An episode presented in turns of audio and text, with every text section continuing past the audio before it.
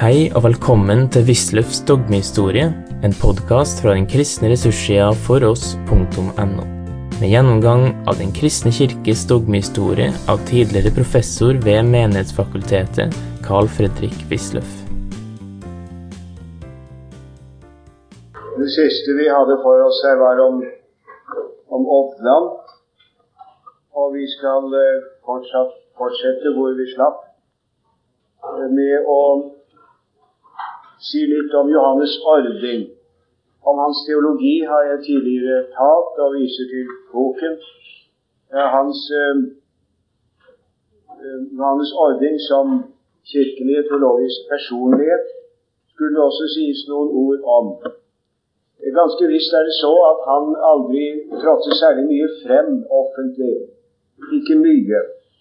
Han var, en, eh, var ikke noen offentlighetens mann i det hele tatt var i grunnen typen på den lærde, litt verdensfjerne professor.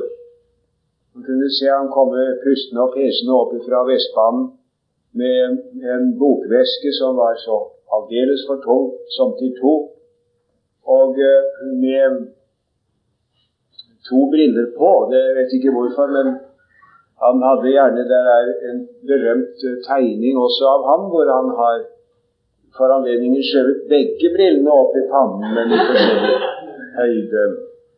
Han var i grunnen ikke noen offentlighetens mann i noen forstand av dette ord. Allikevel så var han jo i disse år veldig godt kjent. Da kampen om hans professorat sto på, så var han jo stadig omtalt i kirkelige sammenhenger og ofte nevnt i bladene. Eh, han eh, utøvet ikke så rent liten innflytelse på sine studenter. Ordings disipler var et, en glose som ikke så sjelden var i bruk. Og disse Ordings disipler hadde da gjerne tilegnet seg hans liberalteologiske grunnsyn i full konsekvens. Noen av dem gikk svært langt til en helt relativiserende kristendomsoppfatning. Eh, især et par som var somme tider fremme i det kirkelige ordskiftet, nemlig sogneprest Strømme i Snåsa og så eh, Edvin i Øyslebø. Senere kom til Oslo, Fagvår. Det Strømme tiltrakk seg oppmerksomhet ved å hevde i en bestemt debattsituasjon at for ham personlig var det helt likegyldig hvorvidt Jesus noen gang hadde levd eller ikke er jo for så vidt konsekvent tenkt ut ifra et grunnsyn som tillegger eh, den religiøse følelse og de religiøst opplevede verdier avgjørende betydning. Så langt gikk jo naturligvis ikke ordning tilnærmelsesvis, men han kritiserte ellers eh, meget sterkt, eh, som jeg før har nevnt, bærende læresetninger i den kristne tro. Jeg har nevnt det på side 156. Ording var mye syk de siste år han levde. Og den som da hadde undervisningsbyrden i systematisk teologi ved universitetet, det var um, Christian Ihlen. Christian Ilen uh, konkurrerte med Ording om professoratet, det skal vi senere vende tilbake til.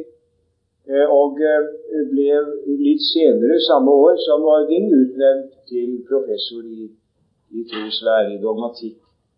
Det var myndighetenes plan å mildne de kirkelige motsetninger og om mulig å unngå et avgjørende kirkelig brudd derved at man utnevnte ikke én professor, som striden sto om, nemlig Ording, men to.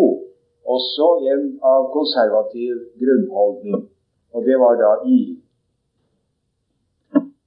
Han eh, markerte seg som en modern positiv, som det het den gangen, teolog. Han uh, har, Jeg har skrevet litt om ham her i side 157 og følgende. Han uh, hadde, som han selv har sagt i forordet til sin dogmatikk, en evangelisk dogmatikk bør være hva jeg vil kalle, kalle et åpent, ikke et lukket system. Det åpne system prøver alltid på ny seg selv, er på en måte aldri ferdig. Side 157 følgende. Det, det, det er uh, typisk for um, for Ilens holdning. Han uh, tok da i grunnen, gikk da aldri den liberale teologis vei i grunnen. Han gjorde ikke det. Men han har likevel slektskap med den teologiske tradisjonen fra Schleimacher av, og sto alltid positivt til idealismen, som han ville se som en forbundsfelle mot materialismen. Jeg har sitert en setning der noe nedenfor midten av side 157 som jeg anser for å være veldig typisk for ilen i grunnen. Menneskeånden er skikket til å motta inntrykk fra en guddommelig kjærlighet som gir seg til kjenne og meddeler seg for troen. Han, han, var ikke noen konfesjonell teolog, slik som Hallesby, eh, enn si som Leif Aalen, men var på den annen side heller ikke noen liberal teologi, teolog, og eh, sto alltid i sin personlige holdning vennlig overfor menighetsfakultetet. Han inntok alltid en selvstendig posisjon i det kirkelige liv han var med i redaksjonen for Tidsskrift for teologi og kirke, og skrev ofte der, i hvert fall skrev somme tider der. Han var eh, en meget, meget lærd mann. Eh, det merket man eh, også når man snakket med ham. I hans senere år befalt seg slik at jeg var ikke så sjelden sammen med Ilen privat i hans senere leveår og mottok alltid det sterke inntrykket av en mann som, som det heter, har alt mulig i hodet. Han hadde da tatt avskjed som professor, og han hadde solgt alle sine bøker. Men jeg kunne egentlig aldri begripe hva han skulle med bøker, hva det angår. For han kunne alt og husket alt, og kunne gjengi alt. Aldeles fabelaktig. Aldri noensinne møtt maken.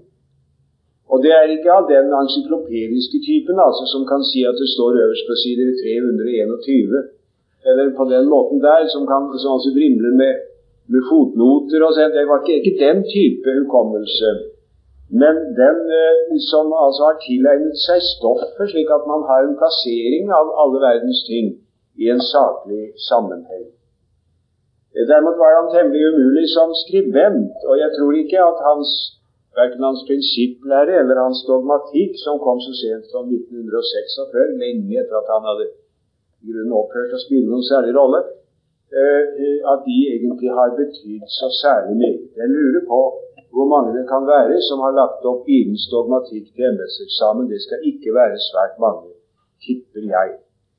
Men den kom da på dette sene tidspunkt i hans liv. Han er altså født i 1868 og ble professor i 1900 og, eh, 1907 og utga sin dogmatikk i 1946. Så det gikk ikke så veldig fort eh, for en syv. Han var en sentrumsskikkelse, og eh, i enhver henseende var han jo i grunnen det. Han, han var med kirkelig interessert også, var i mange år Israelsmisjonens formann og har skrevet en hundreårsberetning om dens virksomhet. Når vi kommer til Lyder Brun, så er det atter en, en, annen type igjen. Eh, han eh, har jeg vært inne på før, talt om hans teologi. Han eh, var meget fruktbar teologisk forfatter, skrevet en lang rekke bøker. Han var liberal teolog av en moderat kritisk utforming. Han regnet alltid med at de nytestamentlige evangelieskrifter var stort sett historisk pålitelige. Eh, men han hørte hjemme i den liberale teologi allikevel, hadde ikke plass for det avgjørende ledd i troen som jomfrufødselen og den legemlige oppstandelse, som debatten mye dreier seg om i disse tider. Han var en glimrende foreleser. Det var noe ganske selsomt. det Han hadde jo en form, altså den den, den klassiske form som nå knapt fins lenger. Um, meget spirituell og veldig artig å høre, for så vidt. Med, sterkt, eh, med, med veldig beherskelse av teksten i dens forskjellige momenter. Det var ikke så få av MF-teologene heller som gikk og hørte på forelesninger i eksegese av um, Lyder Brun. Han sto i alle år i grunnen i allmennhetens bevissthet som føreren for de liberale prestene og teologene. Sverdrup, Edvard Sverdrup ved Menighetsfakultetet kalte ham en gang det igjen. en avgjørende situasjon offentlig som de liberales fører. Og han var i grunnen det. Men eh, når en tenker på det, og dette har professor Nils Alstrup Dahl i en minneartikkel eh, gjort oppmerksom på, så er det grunnen overraskende at han skulle komme til å få en sånn førerposisjon. For han var i grunnen ikke skapt til det, kunne man si. Men sånn ble det da altså. Han var eh, tilhørte en gammel embetsmannsslekt med lange kulturelle tradisjoner. Var i grunnen temmelig aristokratisk i hele sin fremferd. hun kom vandrende nedover Slottsbakken der med kurs for universitetet. Meget, meget, meget distingvert skikkelse. En eldre herre den tid da vi lærte ham å kjenne min studietid. Uh, man nærmet seg ham ikke uten videre sådan. Uh, og uh, dessuten så var hans form også alltid meget avveiet.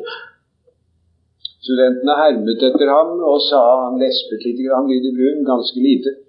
Uh, og studentene de hermet etter ham og sa gjerne på den ene side og på den annen side. Uh, uh, det skulle da gi uttrykk for dette i hans måte at han alltid ville se sakene mest mulig avveiet. Og dette kom jo veldig klart til uttrykk i en episode som jeg skal nevne i dag om et øyeblikk, nemlig i debatten med Christian Schjelderup i 1924. Da var Schjelderup ultraliberal teolog av religionshistorisk skole og angrep Lyder Brun fordi han ikke var konsekvent i sin liberalteologiske holdning. Og Schjelderup stilte han da i en Dagbladet-artikkel disse konkrete spørsmål. Er Jesus Guds sønn, unnfanget ved Den hellige ånd og født av en jomfru? Var hans død på korset en sonende død for våre synder? Ja eller nei, herr professor? Det var en liten komplett umulig å svare ja eller nei på disse spørsmål. For det ene spørsmålet var galt stillet, og det annet kunne ikke besvares i den form hvor det der forelå. Og om det tredje kunne man på den ene side sier slik, og på den annen side slik, osv., osv. Det der var en meget takknemlig harang for studentene i hine hårde dager å gjenta. Ikke desto mindre så sto han frem som en fører, og det er altså bare forklarlig, det sier professor Nils Alstrup Dahl, og jeg mener han har uten videre rett i det.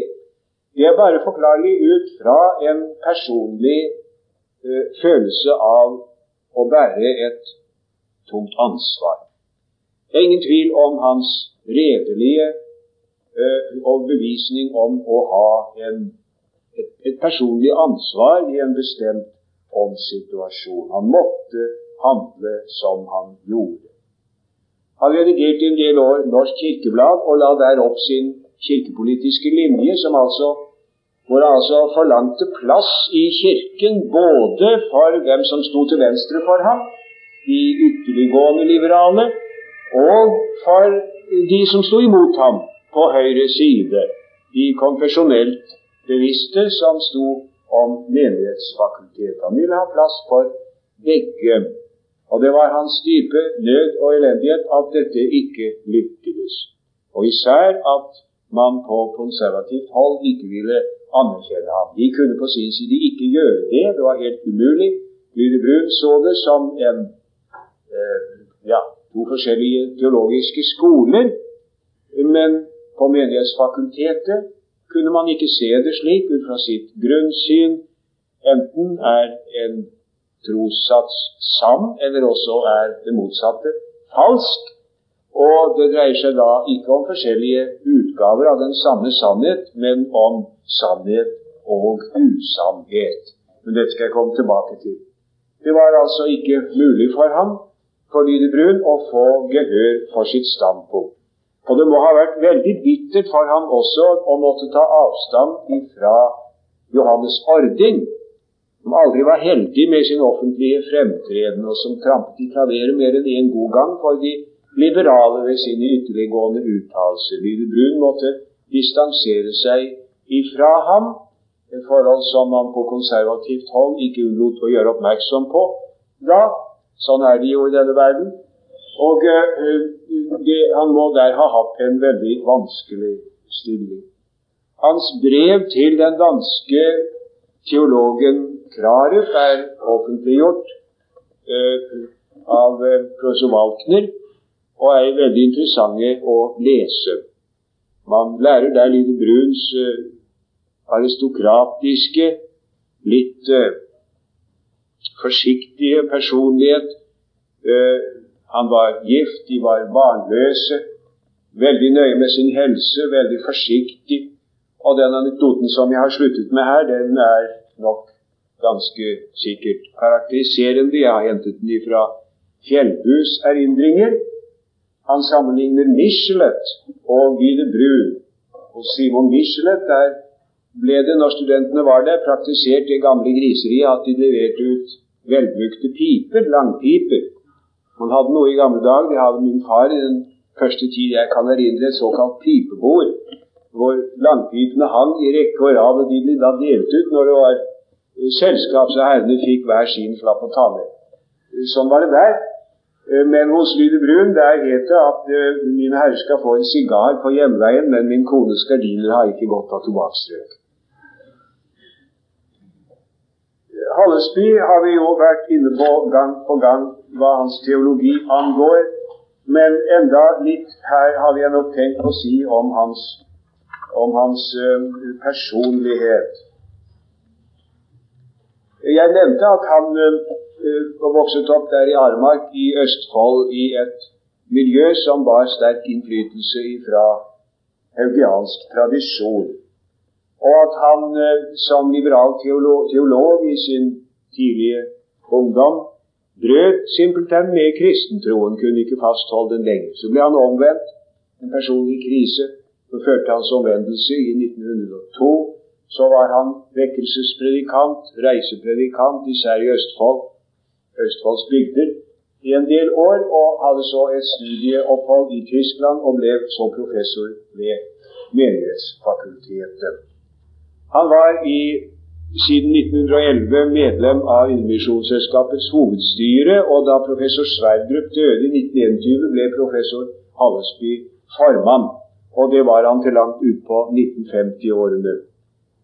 Han var i sin egenskap av formann for Indremisjonsselskapet en inspirator i aller høyeste grad. I 1912 skrev han en artikkelserie som jeg har omtalt her i et par sammenhenger. Den uh, artikkelserien hans i 1912 var i grunnen et merkelig startsignal for en uh, veldig Du vil finne det, De vil finne det her på Skal vi se I 1912, ja. Vil, man vil finne dette eh, på side 211. Eh, jeg skal ikke gå mer inn på det, men det førte bl.a. til en voldsom offensiv for å reise flere ungdomsskoler. Folkehøyskoler heter det nå. Det vokste til det nå er godt og vel 30 av dem.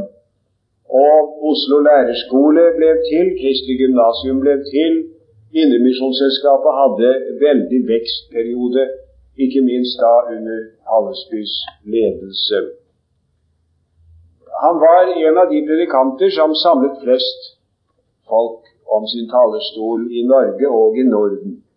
Hans innflytelse var der kolossalt stor, og den tillit man hadde til ham, på gammeltroende hold var ubegrenset.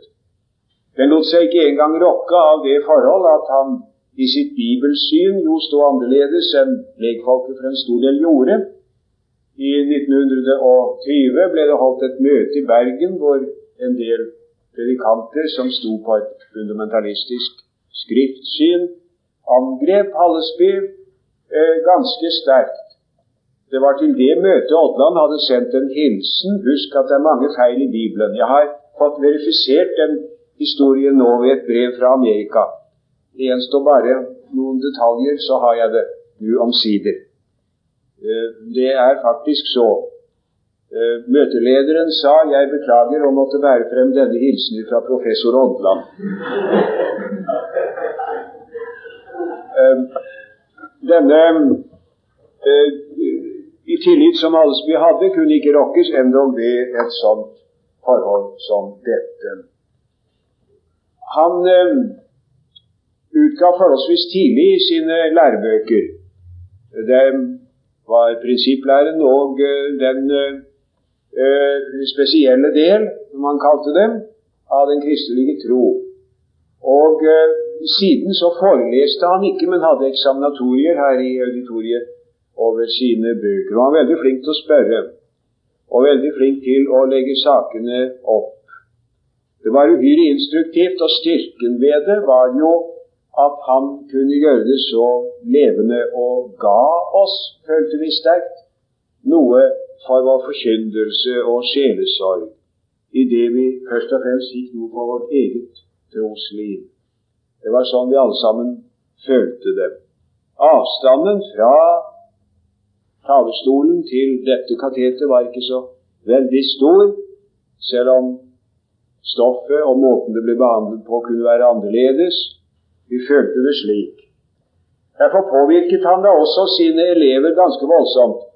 Ja, endog sånn at onde tunger påsto at uh, man bevisst eller ubevisst kopierte ham. Det tror jeg nok uh, man må si er uh, riktig også, det. Jeg skal si deg, min kjære venn, sa Hallesby. Og de som hadde hørt mest på ham og satte ham høyest, de kunne nok gripes i å si det samme. Jeg skal si deg, min kjære venn eh, Vokalene, slik som de lyder i det indre Østfold, de ble aldri annerledes i Hallesbys munn, og hans hele måte å tale på var veldig karakteristisk. De to største talere i dette tidsrom, det holder jeg dem for, nemlig Hope og Hallesby, hadde det til felles at de alltid hadde skrevet manuskript. Det er mindre og mindre vanlig, men det hadde disse to. Jeg regner dem for de to største i denne tid, og begge to skrev. Hope skrev også, og uh, ble kritisert for det, fortalte han meg en gang. Uh, I den første tiden han reiste som predikant, til det skulle gives dem i den samme stund, hette da fra kritikere. Da Hope hørte det, så la han manuskriptet så langt ut på kanten av talerstolen som det kunne ligge uten å falle ned, og vete tommeltotten før han bladde om, så alle skulle både se og høre at han hadde manuskript, hvilket er meget karakteriserende for Hopes hele innstilling.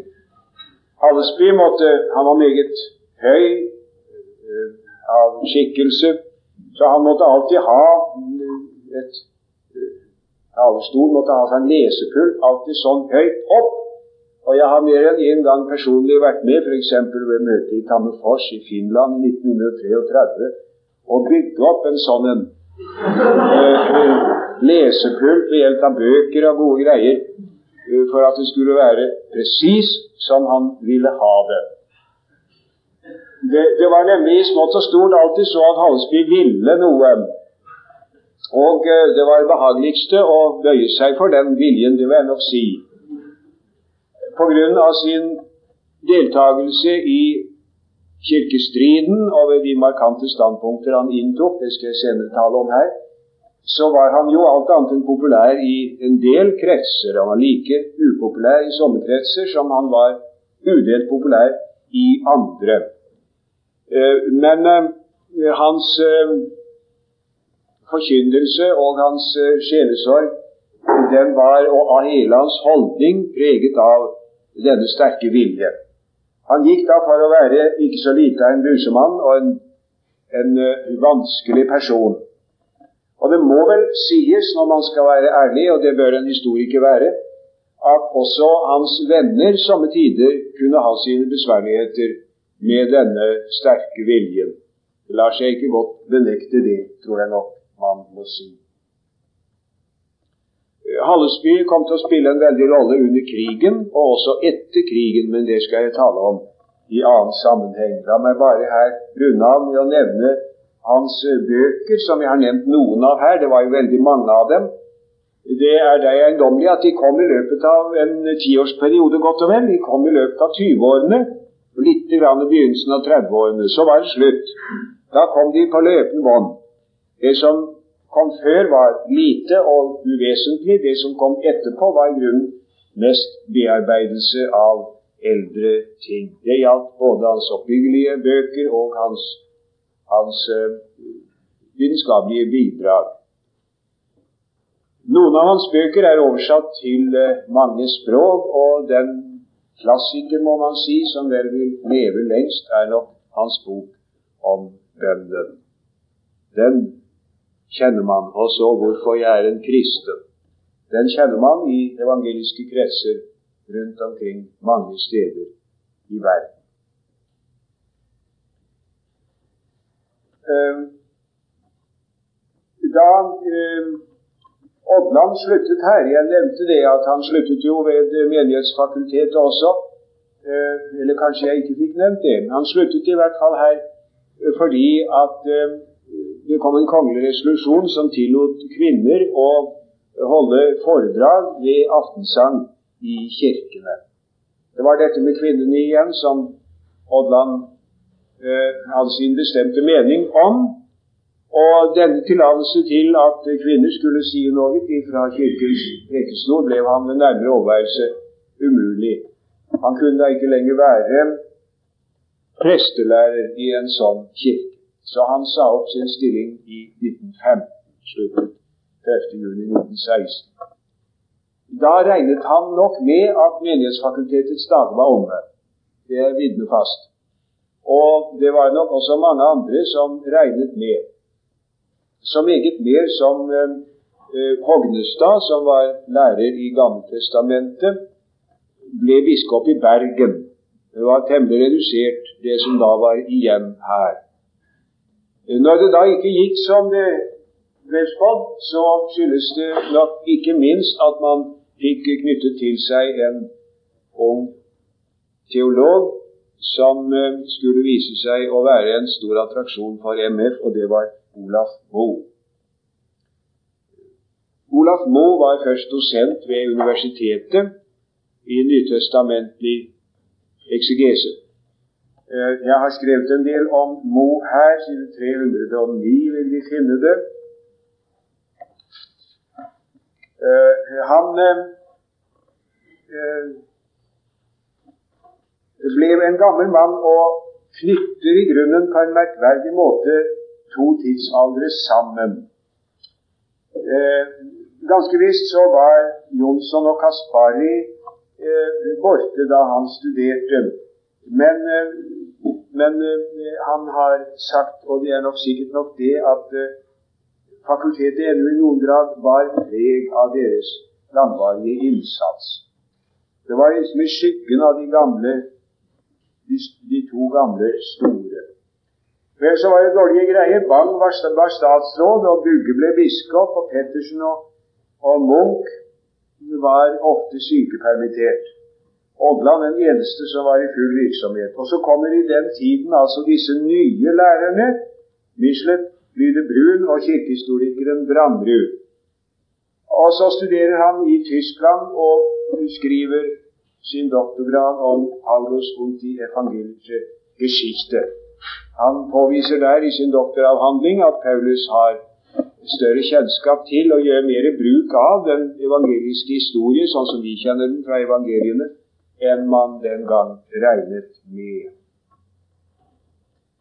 Eh, han, eh, også, også Mo har i grunnen en viss bakgrunn i Grundtvig.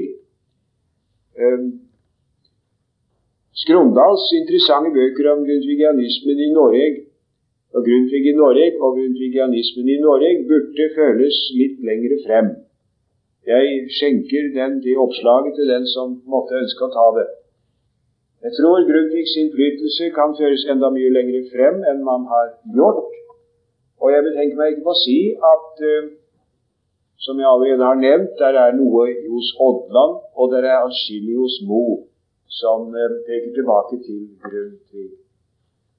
Han legger stor vekt på tradisjonsbegrepet. Både inspirasjon og tradisjon må nevnes når vi taler om Nytestamentets tilgivelse.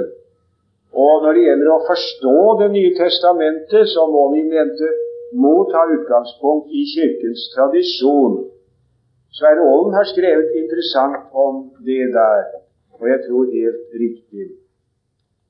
I det hele tatt så er det litt av et preterio jo for min del at Grundtvigs innflytelse var som sagt ganske lang. Og eh, der har eh, overgangsleddet vært Veksels, hvor Grundtvig og Løe, nylutherdommen, spiller en stor rolle. Men Mo hadde derimot en helt annen, oppgave, en annen oppfatning når det gjaldt Kirkens embete enn Odland. Han, eh, Odland hadde et uh, rent funksjonalistisk syn og mente som um, Hat og Harnak og son at det egentlig ikke var noe embete i Det nye testamentet. Sogneprestembetet, sa Odland. Tja, sogneprestembetet, hva er det for noe? Man finner det ikke i Det nye testamentet. Det var en oppfatning som den gang hadde mange tilhengere. Mo derimot eh, mente at eh, det var ikke som Odland sa, at det utkristne tilsynsembetet bare hadde med forvaltningen å gjøre, sånn at karismatikerne tok seg av forkynnelsen. Det var det man mente den gang. Det mente Odland. Det fantes ikke noe presteembete i vår mening. Fins ikke i Nytestamentet. Tilsynsmennene det var sånne som stelte med forvaltningen. Og forkynnelsen var det kjæresmatikerne som tok seg av, mente han. Men til forskjell fra det eh, mener Mo at embetet har to oppdrag, både forvaltning og forkynnelse. Da han så kom over til universitetet, så fikk han en videre virkekrets. Etter hvert gikk jo studentene i stigende grad til medlemsfakultetet. Og så kom alle Moes bøker, og de brukes da visst, så vidt jeg forstår, i atskillig grad enda. Eh, tror jeg. Hans bøker om Paulus og kommentarene, er ikke de i bruk enda her, da? Jo, det tror jeg da de er. Eh, grundige, utførlige, noe brede, må man vel si at de er i fremstillingen. De blir lett svært kvikke sånne grundige kommentarer. Men grundige er de da. Jeg har satt opp her i boken min for moro skyld at også MFs teologer kunne konstatere en viss forskjell mellom sine lærere når man kom i deres hjem. Det sluttet jo da gjerne med en liten andaktsstund, eller hadde det en eller annen gang under samværet, og da, da delte Halsby ut eh, sangboken, organisasjonens sangbok. Hos Carl Wold der fikk vi salmebok, salmeboken for all del. Eh, men eh, hos Mo der hendte det at vi sang etter Seifs visebok. Ja, det gjorde det. Han var i det hele tatt eh, en, en litt, annen, litt, annen, type enn f.eks. Hallesby. Og det hendte også at de gikk imot hverandre i avisene. F.eks. under avholdsstriden, hvor Jo Hallesby var blant dem som ville beholde brennevinsforbudet. Moe var en av 50 prester og teologer som leverte et opprop i motsatt retning, vekk med forbudet. Det førte til at det forbausende kort tid etterpå kom et opprop i for brennevinsforbudet av mange, mange flere prester og teologer. Men eh, Mo han uh, har fortalt det at uh, fortalt, Jeg har selv hørt ham fortelle det at dagen etter at han hadde Hvis ikke det var samme dag, som hans opprop sto i Aftenposten, eh, så kommer han da inn her, og så har noen skrevet noe på tavlen. Jeg må jo først fortelle at han kalte sin villa på Smestad for Villa Kroken. Og der sto det da professor dr. Tyol Olaf Moe Villa Korken.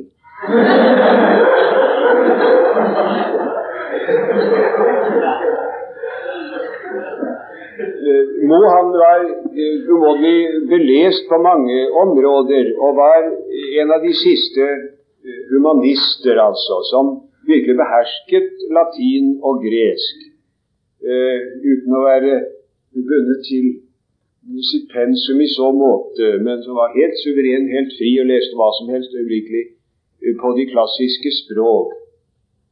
Hans eh, kjennskap til de nyere språk innskrenket seg jo til tysken, selv om han hadde lært seg litt engelsk. Eh, Halsby lærte aldri noe engelsk og hadde ingen følelse av at det var noe mangel ved hans oppdragelse og utdannelse. Det Mo hadde nok en viss føling og hadde lært seg litt grann engelsk min dype respekt for min avdøde lærer forbyr meg å gi et fonetisk eksempel på hvordan den engelsken ler. Men han var også umåtelig interessert for og hadde kjennskap til skjønnlitteratur og forskjellige områder av åndslivet. Eh, no, Vi, vi har ikke eh, hadde ikke noen sånn type her før vi fikk den mann som nå i disse dager forlater oss, nemlig Jon Nome. Frøvik eh, var også i mange år professor i Nye testamentet, Han har også skrevet kommentarer som vel også brukes enda. Um, bodde i tredje etasje her, og de kan da umulig ha unngått å høre en del anekdoter om Frøvik. Det gjelder vel om disse anekdotene eh, som eh, pastor Theisen i Gamlebyen eh, sa da han en gang ble spurt om alle disse historiene var riktig, om de var sanne. Om det svarte da Theisen at noen av dem er sanne, og noen er ikke sanne. Carl Wold var professor i Gammeltestamentet her i mange år. Han forsøkte to ganger forgjeves å ta doktorgraden, den teologiske doktorgrad. Og da han så ble utnevnt til professor her allikevel, så ble det en del skriving om det i avisene, og Det teologiske fakultet klaget den frem til Kirkedepartementet i den saks anledning. Det må vel innrømmes også at det rent formelt ikke sto så veldig sterkt, den sak.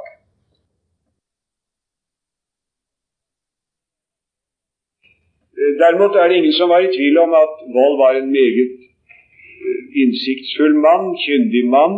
Hans kunnskaper var ikke, sto ikke noe tilbake å ønske, og hans pedagogiske grep på undervisningen var jo ypperlig. Vi syns vi lærte veldig mye av vold. Men han var dessuten en jernflittig mann som skrev om all verdens ting. Han var et rent pressebyrå artikler av professor Carl Wold om utenrikspolitikk og innenrikspolitikk, om litteratur og hva som helst.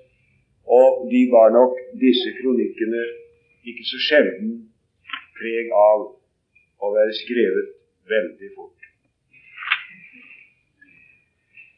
Han, eh, et interessant kapittel er jo disse gamle lærernes eh, kirkelige holdning. Det er jo så, det Studentene holder jo rede på slikt, og det var ikke vanskelig for oss å gjøre det. Eh, det var stor forskjell i så måte.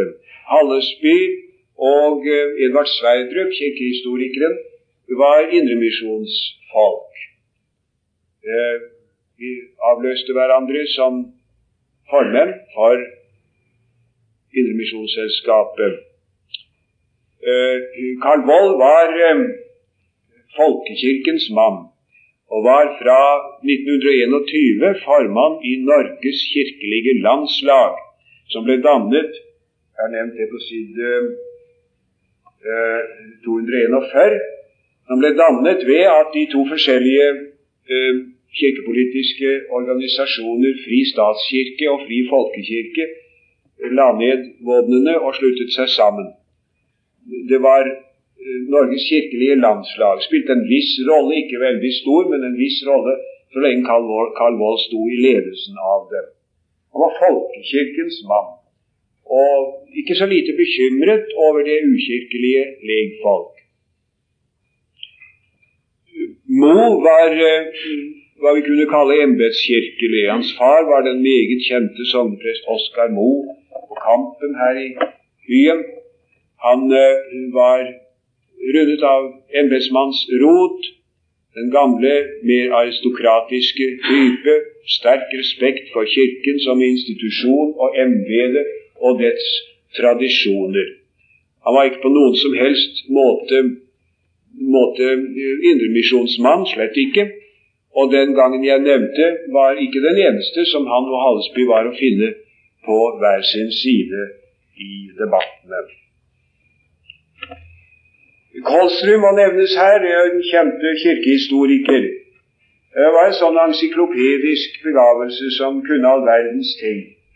Og så var hans eh, språkkunnskaper aldeles fantastiske. Man tenker seg en professor i kirkehistorie som vikarierer for professoren i finsk-ugriske språk når denne er bortreist, og har forelesninger og holder eksamen i finsk og lappisk f.eks.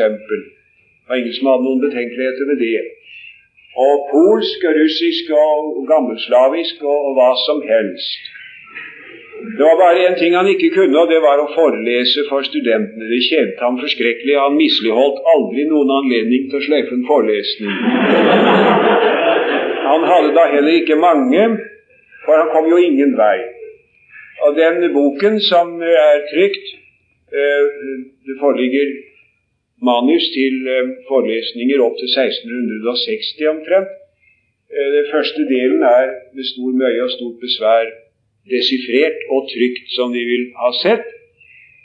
Men han, eh, han kom aldri av veien, og krøniken forteller jo at han hadde tillyst slutt oversyn over norsk kirkesoge, og etter et semester så var han kommet til yngre stenalder, eller hva det var, som de forteller for uh, gravfunn og all verdens forskjellige saker.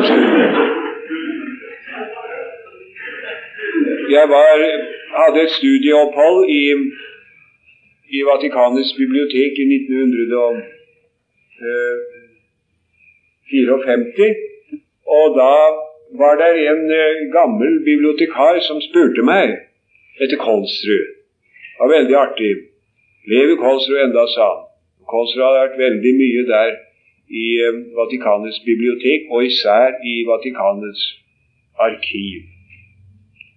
Han hadde offentlige oppdrag som førte ham dit, og jeg har nevnt en del her. Han var f.eks. også sakkyndig i anledning av Grønlandssaken. var en gang da, da eh, en sjåvinistisk norsk regjering okkuperte Øst-Grønland. Vi hadde spetakkel med Danmark her gående en del år inntil vi led et dundrende nederlag ved domstolen i Haag. Den som da var sakkyndig, kan de tenke, for, for eh, Norge og for juristene som talte vår sak, det var altså professoren i kirkehistorie, Ole Oluf Kolsrud. Han hadde grepet alt mulig. Jeg spurte ham som ganske ung, fersk prestemann, så traff jeg ham hos eh, domprost Hygen på visitten første nyttårsdag. Og eh, spurte han da Da hadde jeg nettopp lest Lars Dales erindringer, hvor han forteller om sitt møte og samarbeid med, med Skrøder. Skrøder mente jo at vi hadde den apostoliske suksesjon i Norge for, for um, Hans Rev, den siste katolske eh, biskop i Oslo. Han ble jo også den første lutherske superintendent, og han var i København mente eh, Skrøder da Bogenhagen ordinerte de første norske superintendenter 2.9. i 37. Om det kunne være riktig, spurte jeg Kolsrud. Jeg burde jo ha visst hans syn på saken, men jeg fikk i hvert fall vite det der og da. Han tok lang sats og forklarte meg inngående at det var ikke riktig og hvorfor det ikke kunne være riktig. Og vet De, sa han, hva Bogenhagen kalte den hellige olje som brukes ved bispeordinasjon? Nei, det visste jeg da ikke. Han kaller det Teufelsdrekk, sa, sa Kolsrud og var meget rystet. For han hadde ikke så ganske lite sympati for den katolske middelalderkirke. Reformasjonen kunne han derimot lite med. Og i 1937, ved reformasjonsjubileet, i, som ble feiret bl.a. med en tilstelning i universitetets aula. Der holdt han et foredrag hvor han malte så svart om elendigheten som fulgte av reformasjonen i Norge, at Berggrav, som skulle tale etterpå, la sitt manuskript til side og kom med en flammende protest.